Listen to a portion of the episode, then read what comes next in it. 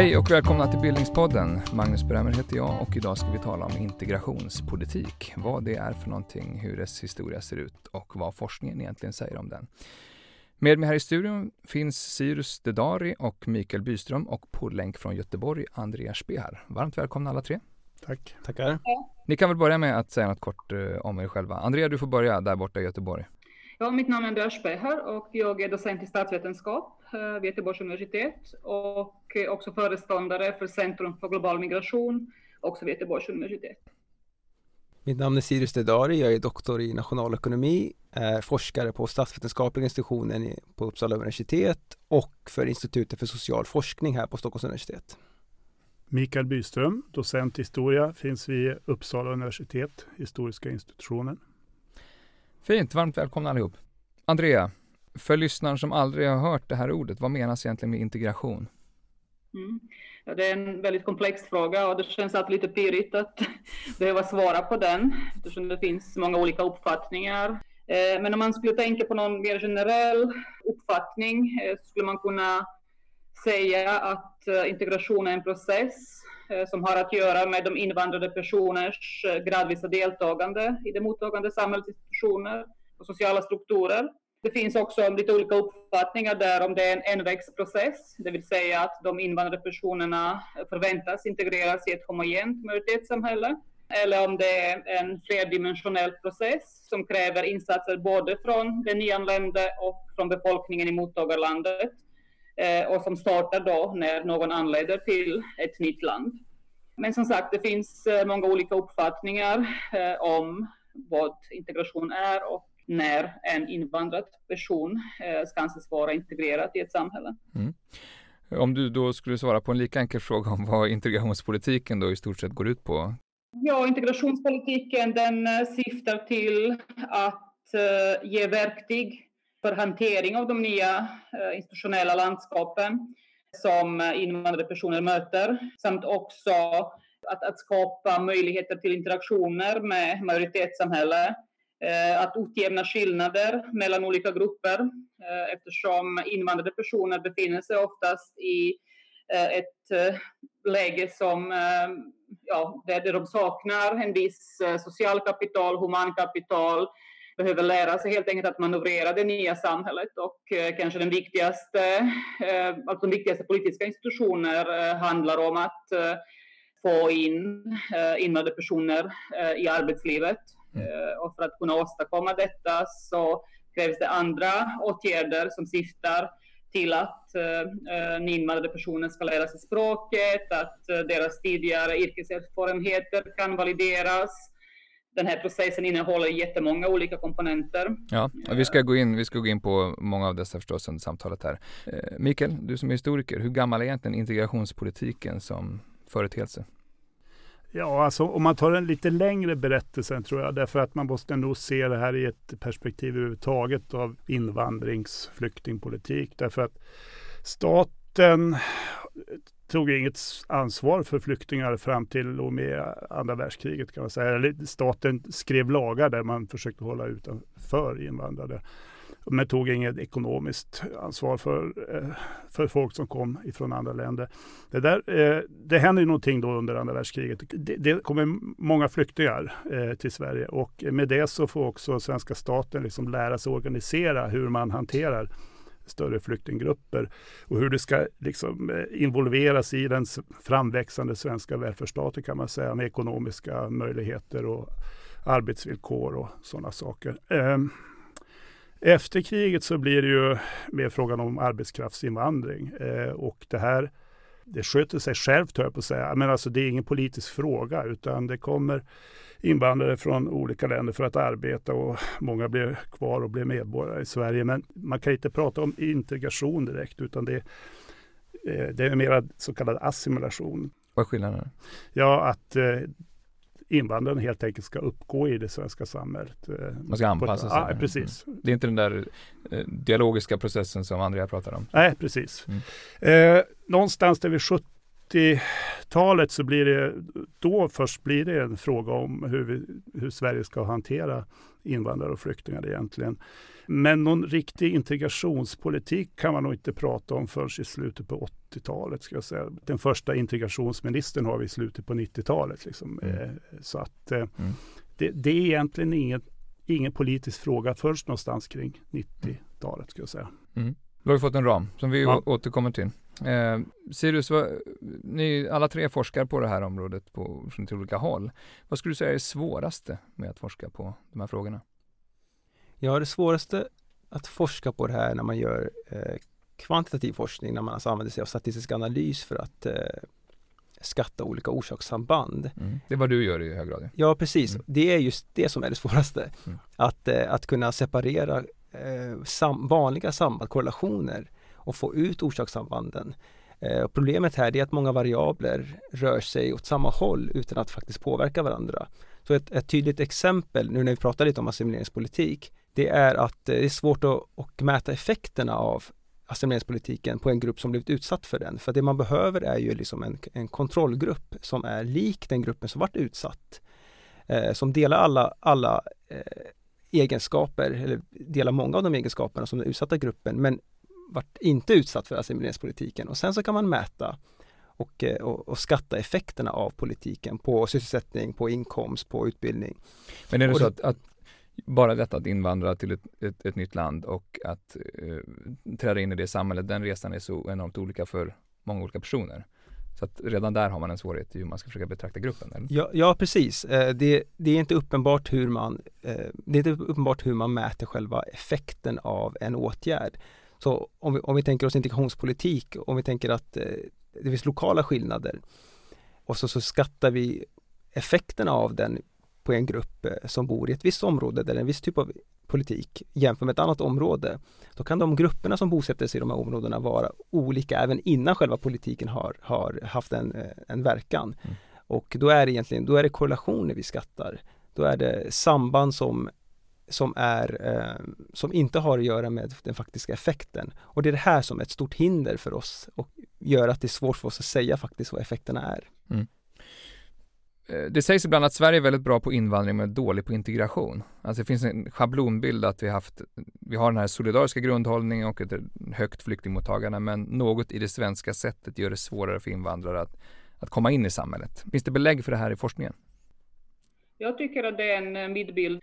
Eh, om man verkligen jämför eh, olika integrationsutfall, eh, om man mäter just eh, Eh, eh, migranternas deltagande på arbetsmarknaden och eh, deras hälsa, inkomster, så kan vi dra en slutsats på övergripande nivå att inte ett enda, exempelvis europeiskt land, har lyckats att skapa jämlika villkor för invandrade personer.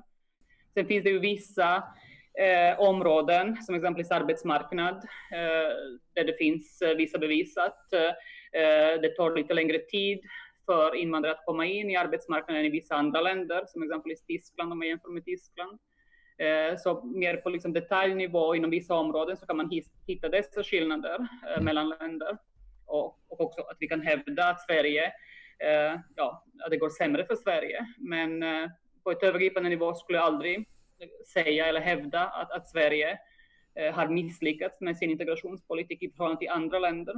Det finns ingen, ingen historisk eh, förklaringsmodell för den här Jag skulle inte vilja säga att ja, alltså, det är klart att eh, det förekommer här att Sverige var ett väldigt eh, homogent land eh, och har varit så under lång tid. Sverige som invandrarland är ju ett väldigt nytt fenomen.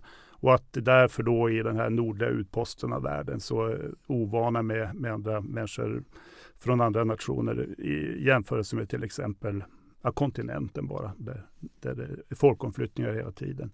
Sen brukar det också komma det här med att Sverige som eh, en, en stat med eh, väldigt, vad ska vi säga, välfärdsstaten, eh, den moderna staten, att, att den på något vis också har gjort att vi har fått en, en självbild av att vara ett föredöme för resten av världen. Därför så, så har vi liksom svårt att, att se eh, olikheter. Mm. eh, mot för det föreställt svenska så att säga.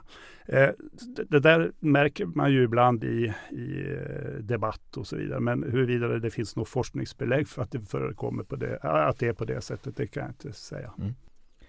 Apropå missuppfattningar då, ni, ni, ni, ni, forskar ju på områden som är enormt laddade i den, politiken och opinionen idag. Eh, är, finns det någon väldigt vanlig missuppfattning som ni som forskare i de här frågorna möter?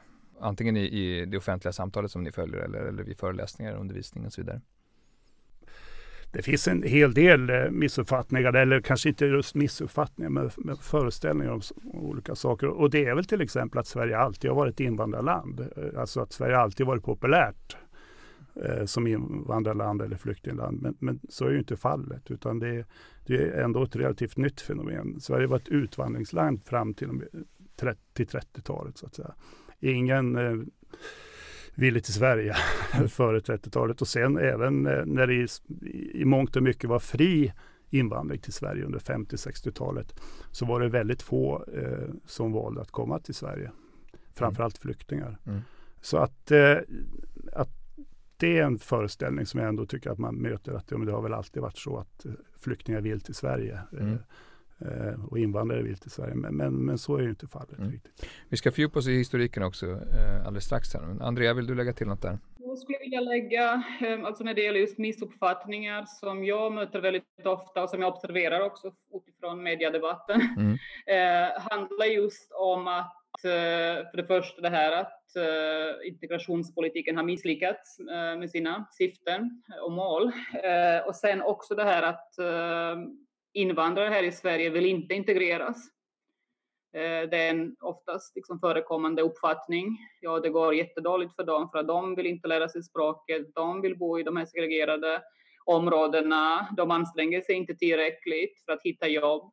Självklart så finns det personer eh, som kanske inte är så villiga att eh, anamma svenska normer eller att, att lära sig språket snabbt och så där. Men jag skulle ändå hävda utifrån den undersökningen, eller undersökningarna som finns tillgängliga, att eh, majoriteten av invandrare vill lära sig svenska, de vill hitta jobb, de vill normalisera sina liv, de vill hitta sina vardagliga rutiner för familjelivet, för arbete, de vill återskapa sina sociala identiteter, yrkesidentiteter, så det finns en väldigt stark eh, drivkraft bland dem att göra det.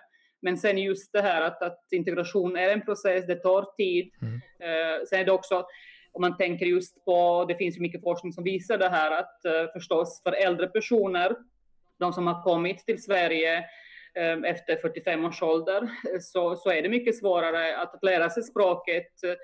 Det är också så att eh, det kanske inte finns samma incitament att, att eh, skriva in sig liksom på en helt ny utbildning och, och skapa sig helt ny yrkesidentitet och så. Så det är väldigt olika situationer och min undersökning och mina kollegors undersökning har visat att invandrare exempelvis här i Sverige, de bedömer att de här integrationspolitiska institutionerna som finns är inte tillräckligt snabba och tillmötesgående. Och de efterfrågar mer individuellt perspektiv, att varje invandrare ska mötas utifrån sina förutsättningar och förstås det är inte så lätt att organisera. Alltså systemet bromsar också alltså? Ja, det är det, det, det, som uppfattningen är hos uh, nyanlända, att systemet bromsar dem uh, att, att uh, gå snabbare fram. Men förstås, det är, det är också en subjektiv uppfattning vad som är liksom en snabb process eller långsam process. Mm. Sirius, vill du lägga till något? ja, ja, jag håller med Andrea om missuppfattningen om huruvida invandrare vill integreras. Jag vill också lägga till att att vi pratar väldigt mycket om integration, vi pratar väldigt lite om inkludering från, från eh, majoritetssamhället. Eh, vad ser du, vad, definiera skillnaden där? Ja, ja det, jag, det jag menar det är att, eh, att invandrare kan inte, inte integreras om de inte bjuds in till integration. Om medlemmar av majoritetssamhället, som i det här fallet då är etniska svenskar, eh, diskriminerar invandrare och ex exkluderar dem på olika sätt eh, inom arbetsmarknaden men också inom politiken till exempel, så, så försvåras det sätter käppar i hjulet för integrationen. Så en vanlig missuppfattning är då att, att det enbart krävs integration från invandrarna och ingenting från majoritetssamhället. Mm. Men hur, hur, är ni med eh, som forskare, apropå den eh, eh, nyansskillnaden mellan integration och inkludering, är ni med och formar ämnet som ni studerar där? Så att säga? Eh, nej, min utgångspunkt är att eh, vi som forskare måste alltid vara eh, kritiska och självkritiska när vi använder begrepp som är omdiskuterade i den offentliga debatten, som exempelvis integration. Eh, och eh, för att inte skapa de här vanliga föreställningar och vi av dem, att, att vi har en grupp här som inte integrerat, som inte vill integrera sig. Och sen har vi en annan grupp som är väl integrerad. Eh, och själva det begreppet också att in, eh, integrera sig i någonting, den eh, förutsätter att det finns ett eh, samhälle som är väl integrerat och väl integrerat samhälle finns inte egentligen eftersom vi som medborgare är alla olika på många olika sätt. Ålder, klass, alltså flera olika aspekter. Och då är det inte bra liksom, om vi stämplar en grupp mm. som homogen och som, eh, som målas upp som någonting som är problematiskt. Eh, det är därför vi måste vara väldigt medvetna om vad vi forskar och på vilket sätt vi gör. Och det är inte alltid lätt eftersom integrationspolitiken och själva begreppet uh, ligger så högt på politiska dagordningen och uh, om man tänker på olika forskningsutlysningar uh, idag inom EU och även här i Sverige så riktar de sig mot integrationsforskning. så det finns en definition mm. också i Eh, eller använda, användandet av ordet i, i själva utlistningar och så, så att eh, vi som forskare anpassar oss också till eh, en liksom, politisk verklighet. Mm. Om vi skulle säga någonting lite mer om, om eh, de historiska perspektiven här Mikael. Hur, eh, så här, hur mycket i, i dagens debatt känner du igen från efterkrigstidens Sverige och hur den här frågan diskuterades då? Eh, alltså, om vi återigen börjar där vid, vid andra världskriget så det är första gången som Sverige tar emot flyktingar, utländska medborgare. Till att börja med så kommer de flesta flyktingar från de nordiska grannländerna då, Norge, sedan Danmark och, och och på en nivå då, på en politisk nivå så är det självklart att man ska ta hand om, om och hjälpa. Men när det kommer ner till så mer vardagliga saker som till exempel hur det fungerar i, i samhället, då är det ofta så att kallas för ja, fyllbultar, brottslingar, allt möjligt som man alltså behäftas med negativa eh, ord som man ju kan också känna igen idag. Alltså det är samma typ av frågor fast nu är det annan typ av, av eh, an, andra eh, flykting och invandrargrupper. Så, att, så främlingsfientligheten vid den här tiden drabbar norrmän och danskar? Ja, precis. De var tillräckligt olika och det där tycker jag man kan se att, att eh, på något sätt så, så vidgas förståelsen. Eh, för att eh, efter andra världskriget så var det själv, då, då var norrmän och danskar så gott som svenskar så att säga. Eh, men då var det balter och andra grupper som kanske inte riktigt var svenskar. Sen kommer de italienska arbetskraftsinvandrare, ungerska, eh, senare jugoslaviska och, och, då var det, och grekiska arbetskraftsinvandrare. Och då sågs de som lite märkliga eh, och behäftades med samma typ av, av begrepp som, som norrmän då kanske hade gjort tidigare.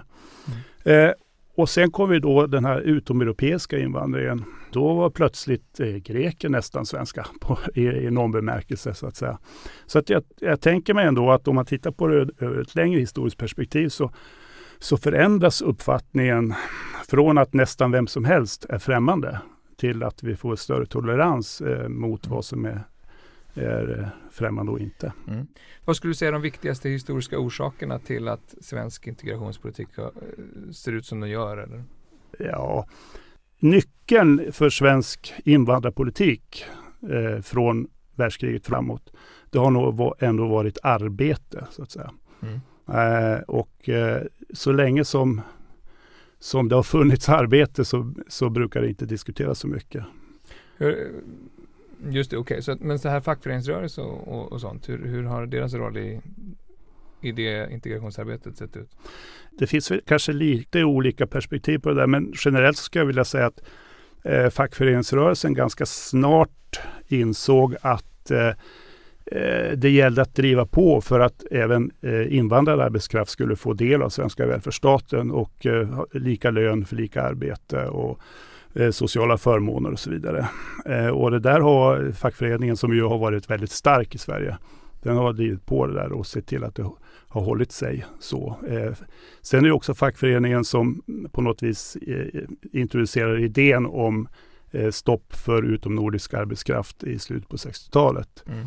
Eh, därför då såg man att arbetsmarknaden är lite annorlunda ut. Vi kan väl istället plocka in våra hemmafruar på arbetsmarknaden exempelvis. Så att eh, fackföreningen har haft stort inflytande över hur man har sett på utländsk arbetskraft. Men hela tiden har den, som jag uppfattar i alla fall, varit ganska solidarisk eh, med eh, den utländska arbetskraften. Och, och så orsaken till invandring skiftat i olika perioder förstås från arbetskraftsinvandring till flyktingströmmar etc. Har det eh, historiskt, ser du att det här har spelat någon roll för hur integrationspolitiken har utformats eller hur opinionen har sett ut? Opinionen den skiftar precis som politiken. Mm. Eh, den svenska flykting och, och eh, invandringspolitiken har gått ganska ryckigt ändå. Även om man kan säga då att det, det var fritt invandring under 50 och 60-talet. Sen, sen har det varit ganska ryckigt med att man har stängt gränsen eller, eller minskat antalet flyktingar exempelvis och mm. stoppat arbetskraftsinvandring från utomnordiska länder och sådana saker. Så någon riktig kontinuitet kan vi inte se riktigt. Eh, så det har gått lite ryckigt och detsamma är ju med opinionen. Ehm, det finns inget självklart samband mellan dålig ekonomisk utveckling i landet och eh, flyktingmotstånd eller motstånd mot att ta emot utländska eller eh, arbetskraftsinvandring eller flyktingar. Så kan, kan, man i stort sett säga att den svenska integrationspolitiken eller invandringspolitiken under, från efterkrigstiden och framåt eh, egentligen följer en, en, en, internationell linje. Så när som på de skillnader som, som, som har med, med Sveriges roll i kriget och, eh, eller snarare icke-roll i kriget att göra.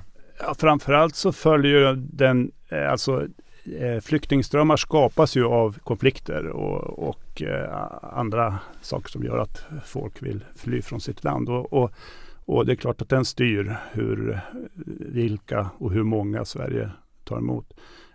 den ekonomiska utvecklingen i Sverige har ju också med saken att göra så att säga. att man stoppar den utomnordiska invandringen i slutet på 60-talet och för framförallt ja, 70-talets början så eh, har ju att göra med en ekonomisk stagnation. Eh, mm. Så att det är bollande mellan åtminstone de där två eh, företeelserna. Men finns det annars några uppenbara sätt som eh, den svenska invandrings eller begynnande integrationspolitiken eh, skiljer ut sig i ett sådär europeiskt perspektiv? Eh, det törs jag faktiskt inte riktigt svara på. En historiker eh, från eh, tror jag han uttalas eh, från Nederländerna. Han har, har, eh, har sagt att eh, den svenska flykting och invandringspolitiken utmärker sig för den otroliga kontrollen som vi har lagt på flyktingar och invandrare fram till ja, 70-tal kanske. Vad menar han med kontroll? Att vi hade en väldig eh, exakt kontroll med vilka det var, vad de skulle göra och så vidare. Mm. Mm. Eh, så att eh, det är väl det i så fall. Okej, okay. och Andrea fr från sådär, det som du Mikael tidigare definierar som, som början på den riktiga integrationspolitiken från 90-talet och framåt ungefär. Eh, har du sett som, du har jämfört eh, olika länders integrationspolitik. Ser du, ser du sätt som Sverige har skilt ut sig? Ja, det, det, har den gjort definitivt. Eh, alltså Sverige är det land som uh, finansiellt sett satsar mest på olika integrationspolitiska åtgärder av alla EUs länder. Uh, framförallt när det gäller språkutbildning, utbildningar, men också vidareutbildning. Uh, så där finns det fortfarande ganska stora satsningar och tron också på integrationspolitiken som ett medel att, att åstadkomma eh, mer jämna villkor och, och höja kompetensen hos eh, eh, olika invandrare. De kan klara sig bättre mm. Eh, i ett samhälle. Så det finns en positiv tro där ändå i de här integrationspolitiska åtgärderna. Men samtidigt så finns den här politiska retoriken och även eh, vissa åtgärder som har faktiskt implementerats som syftar till att bestraffa eh, invandrare som inte lär sig språket tillräckligt snabbt Eh, eller eh, som inte går på samhällsorientering och så vidare. Så, mm. att, så trenderna går mot mer det som man betraktar som assimilering och mer någon slags skyldighetsbaserad integrationspolitik. Att, att man inför vissa incitament att ja, påskynda integrationen. Mm. Sirius, du har ju, har ju studerat i ett forskningsprojekt hur, hur kontakten med invandrare påverkar synen på invandring, som går in i den här integrationspolitiska frågan på sätt och vis. Um, det är intressant att höra vad, vad, vad, tyckte du om, vad tänkte du när du hörde eh, vad Mikael sa om eh, hur man såg på, på normen eh, i, arbetsmarknaden i efterkrigstiden? Ja men nej men det, är, det är intressant att det, eh, efter, en, efter en längre tid eh, att, att det svänger på det, på det sättet. Eh, det, det, det forskning, man kan visa till forskningen att det är att det inte, finns inte nödvändigtvis ett samband mellan andelen invandrare i ett, i ett område, i, ett när, i ens närområde och eh, invandringskritiska attityder. Utan eh, det kan, det kan eh, också vara så att, det, att eh, kontakt med utlandsfödda eller minoriteter faktiskt eh, minskar fördomar och därmed minskar invandringsmotståndet. Mm. Eh, här, ja, för där är en bild av att, att om, ju större invandringen är desto större blir i, i, eh, den kritiska attityden mot invandring, eller främlingsfientligheten. Ja, ja precis. Eh, det, finns ett, det finns ett långt svar på det här och så finns det ett mm. kort svar på det här. Okay. Ni ska få det korta, men det korta är mm. tyvärr lika långt som det långa ungefär. Men man brukar dela in de faktorer som man, som man, som man tror påverkar främlingsfientlighet och i förlängningen stödet för främlingsfientliga partier i två, i två, liksom huvud, i två huvudgrupper och ena har att göra med ekonomiska faktorer där om personer blir utsatta ekonomiskt, om, om, deras, om deras personliga ekonomiska situation försämras eh, så kan, tenderar de att, eh, att stödja eh, främlingsfientliga partier och invandringskritiska partier. Och tanken är att, är att man, man förväntas eh, eller man tror att man kommer behöva konkurrera med invandrare om tillgång till arbete men också välfärdstjänster.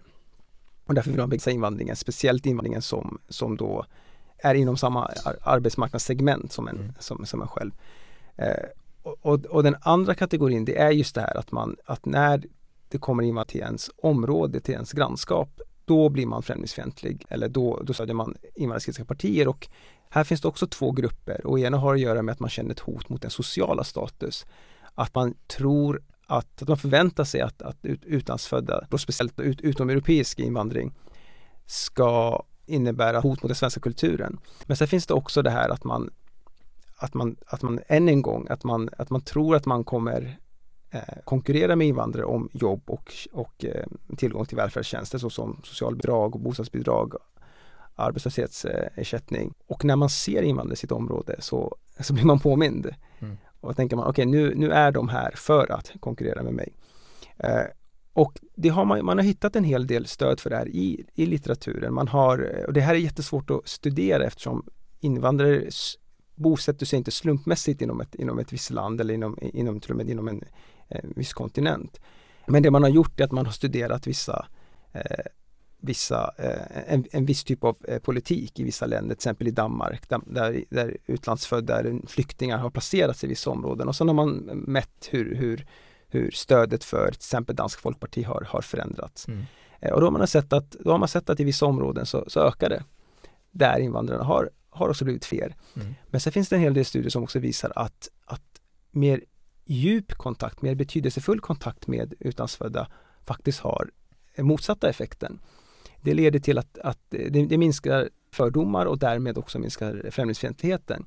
Och här finns det en del studier, bland annat i, i, i Norge där man har eh, studerat eh, inhemskt, inhemska värnpliktiga och, och, som har då delat rum med utlandsfödda värnpliktiga och sett att de inhemska har, har fått en godare uppfattning om man säger så om, eh, om utlandsfödda. Mm. Finns det studier i, i, i eh, Tyskland då som, som visar att, eller förlåt i Österrike som visar att eh, där invandrare där invandrare under flyktingar under 2015 och tidigt 2016 där de bosatte sig en längre period där har stödet för invandringskritiska partiet min, minskat medan i områden där de bara passerade där ökade stödet för. Så här, här påverkas eh, attityderna högre av hur kontakten ser ut och hur lång den är? Exakt, och specifikt vilken, liksom, graden av eh, meningsfull kontakt. Mm. Eh, samarbets, eller, eller i, i termer av eh, eh, hur, hur, mycket, hur mycket samarbetar invandrare och, mm. och inhemska, till exempel arbetare då. Och det här är ju relaterat till, till det Mikael pratade om tidigare, att om, om svensk om den etniska svensken i efterkrigstiden samarbetade med normen och danskan, då har ju attityderna förändrats till det, till det positiva. Mm. Andrea, eh, har du, ser du andra, eh, finns det andra sådana här eh, faktorer som man ser påverkar hur så att säga, lyckosam integrationen blir från båda håll? Det är det som är just det problematiska, att, att uh, definiera vad som är en lyckosam integration. Mm. Tänk på det här med segregation, segregering. Eh, det här är någonting som uppfattas ofta som en, ett problem, integrationspolitiskt problem. Att etniska grupper eh, både eh, på grund av finansiella omständigheter bor i segregerade områden, men också på grund av praktiska omständigheter, att de söker sig liksom till sina landsmän för att dela liksom på samma kultur och språk och det är lättare att leva ihop.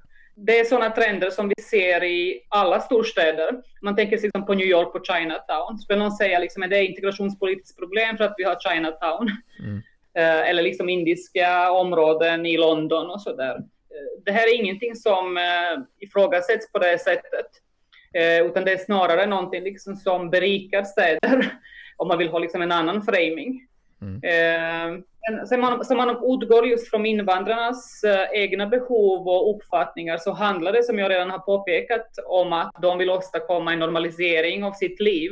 De vill vara självständiga, de vill inte vara beroende av olika myndigheter och, och eh, utmålas som ett problem, utan de vill stå på sina egna ben, försöka organisera sitt liv eh, så gott som det går.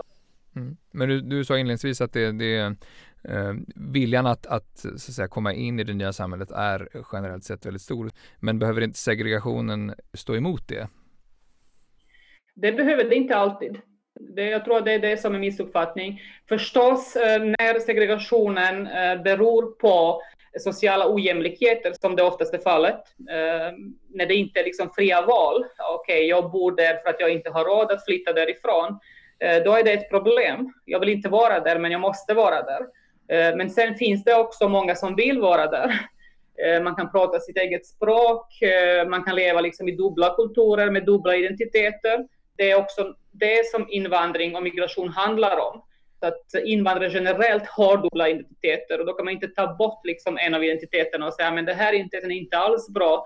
Du ska anamma bara den här svenska identiteten eller tyska identiteten. Det funkar inte så i praktiken. Eh, utan många invandrare fortfarande har ganska starka band med det här landet som de kommer ifrån exempelvis. Det finns liksom minnen, det finns erfarenheter och mycket annat som man inte bara kan sudda bort. Mm. Och segregation i sig, alltså det är så som vi stämplar det, men just det här att etniska grupper eh, bor nära varandra, det behöver inte vara dåligt i sig. Mm. Så det handlar mer i, i hög grad om hur, man, hur, vi ser på, på vad detta integra, vad med integration så att säga, är eller ska vara. Så. Ja, precis. Och sen sociala ojämlikheter förstås, för att uh, integrationspolitiska misslyckande är i grund och, botten en, uh, grund och botten en klassfråga också. För att om man tittar på uh, invandrare här i Sverige med högre utbildning, de klarar sig ganska bra på arbetsmarknaden, de lär sig språk relativt snabbt och så. Men de som kommer till Sverige utan utbildning, analfabeter som har bott på landsbygden och så vidare, de klarar sig sämre. Och det är ju ganska logiskt att det är på det sättet. Så, så är det så att man ser att, att invandrares eh, sociala och ekonomiska klasstillhörighet från, från hemländerna så att säga eh, påverkar möjligheten att, att komma in i det nya samhället? Det gör det definitivt. Eh, jag kan ju ge exempel eh, eh, som handlar om invandrarkvinnor exempelvis och deras position på den svenska arbetsmarknaden. Det, det, det är verkligen tydligt att ursprungsland spelar roll att utbildningsnivå spelar roll, eh, tidigare yrkeserfarenheter och så vidare, men också i vilken utsträckning de har deltagit på arbetsmarknaden i sitt ursprungsland. Mm. Eh, när det gäller bosniska kvinnor, eh, de arbetar idag i nästan samma utsträckning som svenska kvinnor. Och en förklaring till det här är just att de har med sig en ganska bra utbildning. Bosniska kvinnor de arbetade i Bosnien i ganska hög utsträckning. Om man jämför dem med irakiska kvinnor då är det en enorm skillnad. Alltså det är två grupper som är icke jämförbara. För att ibland politiker säger ja men titta det har gått jättebra för dem, då kommer det också gå bra för irakiska kvinnor eller syriska kvinnor och sådär. Men eh, det tror jag inte på, utan det är helt annorlunda förutsättningar och man måste in med helt annorlunda politiska insatser som riktar sig till de här kvinnorna för att bygga upp deras yrke, yrkesidentitet från grunden egentligen. Mm. Men om man kommer högutbildad från ett annat land så, så, så det vanliga är att man ändå eh, eh, i regel får motsvarande jobb i, i Sverige? Generellt sett så klarar sig högutbildade personer bättre på arbetsmarknaden än de lågutbildade. Inte minst när det gäller inkomster. Det ser vi tid, eh, tydliga samband mellan då, eh, utbildningsnivå och eh, hur mycket man tjänar. Många av de här eh, invandrarna som eh, har låg utbildningsnivå och jobbar också eh, inom eh, yrken som genererar eh, låga inkomster. Eh, där finns det tendenser då att de stannar där och de inte kan ta sig upp Eh, och det är också det som finns ganska mycket missuppfattningar och eh, politisk, liksom någon slags normativa uppfattningar om att eh, ja, men alla jobb är lika bra och börjar man liksom på, på låglönejobb så kommer man resa sig upp. Det finns inga sådana samband som forskningen visar att det är på det sättet. Utan om man ska resa sig upp från eh, ett jobb som, eh, som genererar låga inkomster så måste det finnas eh, utbildningsinsatser och mycket annat stöd som gör att den personen kan röra sig uppåt. Mm. Jag tänker att det är också en, en återkommande berättelse i rapporteringen om, om, om i invandringsfrågor så att, att ja, men en läkare från ett land eh, kommer till Sverige och jobbar med vad som skulle kunna kallas för lågstatusyrken. Men är det där, Eh, hur vanligt är det och, och, och, är det skillnad på vilken utbildning och vilket jobb man har? Så. Alltså den, eh, jag har inte sett någon statistik på det här, alltså hur många läkare eh, med invandrarbakgrund här i Sverige kör taxi. Jag har inte sett det. Det är mer anekdotisk kunskap som förekommer i media, att det finns sådana personer. Och det är ju egentligen ja, svårt att förstå varför en person som, har, som är läkarutbildad skulle köra taxi, eftersom det finns faktiskt ganska många olika typer av utbildnings och valideringsinsatser som skulle kunna hjälpa den här personen att att utöva sitt yrke. Så jag vet inte exakt vad som ligger bakom. Mm. Hur ser det där ut historiskt mycket? Ja, alltså kan jag säga att eh, det som var problemet under andra världskriget och flyktingarna som kom då, eh, det som var det stora samtalsämnet, problemet, det var eh, de som hade hög utbildning och eh, de som befann sig socioekonomiskt eh, på en högre rang än hu huvuddelen av flyktingarna. Eh, för huvuddelen av flyktingarna kunde man sätta i skogsarbete framför allt. Eh, och, eh, kvinnor satte man som eh, hembiträde och så vidare. Eh, sen kom det då en grupp, och den är inte särskilt stor, men det finns akademiker både från Danmark och från de baltiska staterna. Och eh, det är då det blir problem. Vad ska vi göra med de här? Vad är, vad är din analys av det Sirius som har studerat attityder? Jag kan, jag, jag kan, bara nämna någonting om det här med den taxichauffören med en läkarexamen. Jag har inte heller sett någon specifik statistik kring hur många taxichaufförer har läkarexamen och, och samtidigt är utlandsfödda. Men, vi har, men det finns en hel del belägg på att eh, utlandsfödda diskrimineras på arbetsmarknaden. Mm. Eh, och eh, nu, nu, nu, vet jag inte om, om det är bland, bland läkare men eh, det man har visat är att att skickar man ut en ansökan med ett, ett icke-typiskt eh, svenskt namn så, så får man färre intervjuer och man blir, man blir uppringd i, i mycket lägre grad mm. än vad eh, liknande kandidater med eh, svenskklingande namn har. Eh, och sen inom akademin har vi till och med sett det. Vi har sett att folk med, med utländsk bakgrund med en svensk doktorsexamen har mycket lägre inkomster och mycket sämre arbetsmarknadsutfall än, än liknande mm svenskfödda kandidater. Och det här har att göra med att man inte har samma typer av nätverk men också på grund av, ett, på grund av diskriminering. Mm. Så utifrån eh, den fakta så, så, skulle jag inte förvånas om det finns utlandsfödda som faktiskt har en, en, en examen som är högre än det, man, eh, än det som krävs för det yrket man för, för närvarande jobbar med. Mm. Men det var du inne på också Andrea, väl? att det är mer att eh, högutbildade klarar sig relativt bättre än lågutbildade invandrare? Nej, till slut gör de det, men sen är det återigen ålder spelar en väldigt stor roll, eh, vad jag har sett i forskning.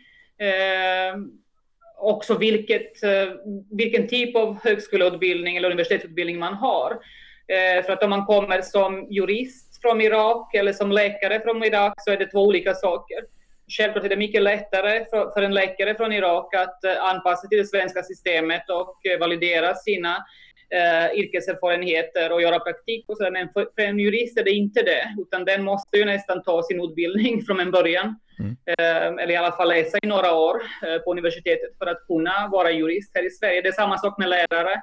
Det går inte liksom att vara en lärare eh, från eh, något afrikanskt land och komma hit till Sverige och, och börja jobba liksom under första två år eller så, utan eh, Eh, då gäller det liksom att man måste lära sig ämneskunskaper kanske från början och svensk pedagogik och alltså det, ja, eh, det är många faktorer. Så det är inte så enkelt heller att validera de här yrkes... Eh, eh, för personer liksom med högre utbildning. Det är inte mm. så lätt.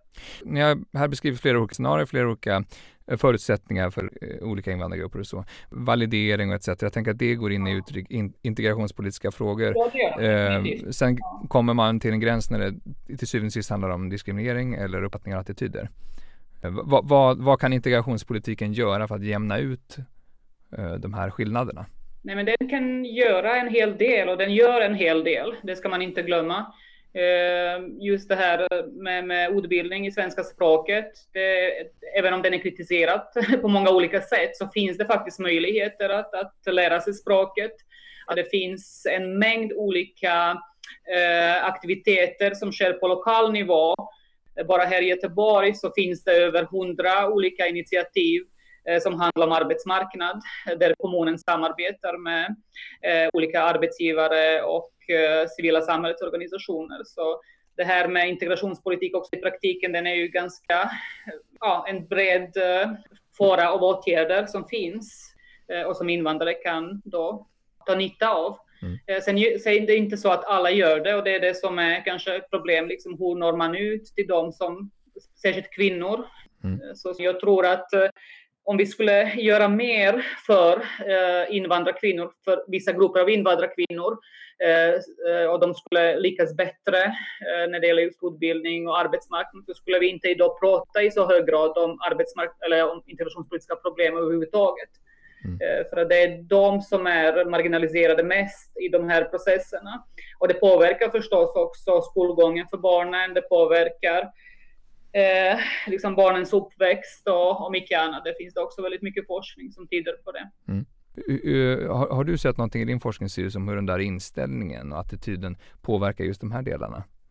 Jag har i ett, ett, ett projekt som jag har jobbat tillsammans med Henrik Andersson på Uppsala universitet studerat hur, hur, hur attityder, främlingsfientliga attityder påverkas av hur andelen utlandsfödda, till och med icke utomeuropeiskt födda arbetskamrater man har. Mm. Och det vi hittade är att om man har en högre andel eh, utomeuropeiska arbetskamrater eh, så, så minskar stödet, och, eller minskar främlingsfientligheten och vi använder då stödet för, för, för det invandringskritiska partiet Sverigedemokraterna. Eh, och det, och, och det, här, det här skulle man kunna tolka som att det har att göra med Eh, integration. Som svenskfödd, när man, eh, när man ser många invandrare på sin arbetsplats, då kan man tolka det som att invandrare faktiskt har integrerats. För jag ser att de arbetar. De sitter inte bara hemma eh, och, och lyfter bidrag. Mm. Eh, och när man då eh, ser, ser dem på arbetsplatsen eh, så, så, så, reviderar man sin, sin uppfattning av, av, av, av den, den, den lata invandraren och då Eh, blir man mindre eh, främlingsfientlig. Mm. Men det är inte helt uppenbart att det, att det är så man ska tolka de här resultaten för det kan också ha att göra med det som jag nämnde tidigare att man faktiskt får en ökad förståelse för den här gruppen i och med att man har en djupare kontakt. Mm. På arbetsplatsen så ser man inte bara varandra utan man jobbar ihop, man samarbetar. Så det, det är inte uppenbart. Går inte det in i två eh, nästan motsatta schabloner om invandrare? Som, ja, det, du pratar om den lata invandraren här, mm. den bidragsberoende. Men det är också invandrare också ett hot för, på Exakt. arbetsmarknaden. Eh, den, den alltför flitig och duktig invandraren. Precis. Har du sett, sett det här historiskt också Mikael? Att den, Absolut, absolut. Och de två bilderna kan existera parallellt, alltså samtidigt. Eh, det är, här kommer, här kommer eh, invandrarna och tar våra arbeten. Samtidigt så kan det vara så att invandraren kommer hit och bara lever på bidrag. Det ser vi under andra världskriget, det ser vi under 50 och 60-talet också. Mm. Så att eh, det är en historisk, mm. historisk linje där. Mm. Apropå bilder och schabloner och du, vad du hänvisade till Andrea tidigare om eh, medierapportering. Det här är ju en fråga som, som är enormt uppmärksammad i media, även kring valet när integrationen kanske listades som svenskarnas åttonde mm. viktigaste fråga i, i, inför valet. I vissa undersökningar så, så är det den fråga som var absolut mest eh, omskriven. Eh, mm. hur, hur, påverkar eh, medierapporteringen oavsett hur den ser ut? Eh, den integrationspolitiska processen eller besluten? Ja. Alltså det är ju återigen en sån uh, fråga där det är liksom svårt att mäta just korrelation och samband, vad som påverkar vad, eftersom det är så många faktorer som kan påverka opinion. Mm. Men om man tittar i ett större perspektiv så ser man, alltså det som är, som för mig som forskare är väldigt uh, eh, intressant och som man skulle kunna beskriva som en gåta är just hur är det möjligt att eh, länder som har väldigt lite invandring, och då tänker jag på östeuropeiska länder, är kanske de mest invandrarkritiska länder idag inom EU. Eh, det finns ju knappast några invandrare där eh, i länder, liksom, framförallt utomeuropeiska, länder som Polen, Tjeckien, Uh, Ungern, men det finns en jättestark uh, kritisk uh, invandraropinion Eh, och då är min tolkning liksom att i de här fallen så är det media som påverkar och det finns ju väldigt mycket, eller många studier som, som eh, analyserar just mediaframing av eh, invand, invandringsfrågor eh, och som visar att intensiteten i den här framingen som utmålar invandrare som hot har ökat under de senaste decennierna alltså frekvensen, hur många artiklar som man publicerar och eh, hur man utmålar eh, invandrare just som någonting som är problematiskt. Eh, inte något som bidrar till samhället utan något som är problematiskt. Och det har vi sett också i Sverige, eh, studier som Jesper Strömbäck eh, har gjort här i Göteborg vid IMG eh, tider på det, att eh, just eh, det här problematiserande av invandring och integration har ökat inom media. Vilka, vad menar man med medier? Vilka medier är det man studerar i de undersökningarna? Eh, då var det, just här i Sverige var det svenska tidningar, eh, dagstidningar, eh, Svenska Dagbladet och Dagens Nyheter exempelvis. Så det finns också studier förstås av sociala medier, eh, vilket, vilket, är väl mycket svårare då att studera för att eh, idag har vi en polariserad medievärld och vissa människor lyssnar bara på vissa nyheter och andra lyssnar på andra nyheter och det finns nästan ingen kommunikation däremellan.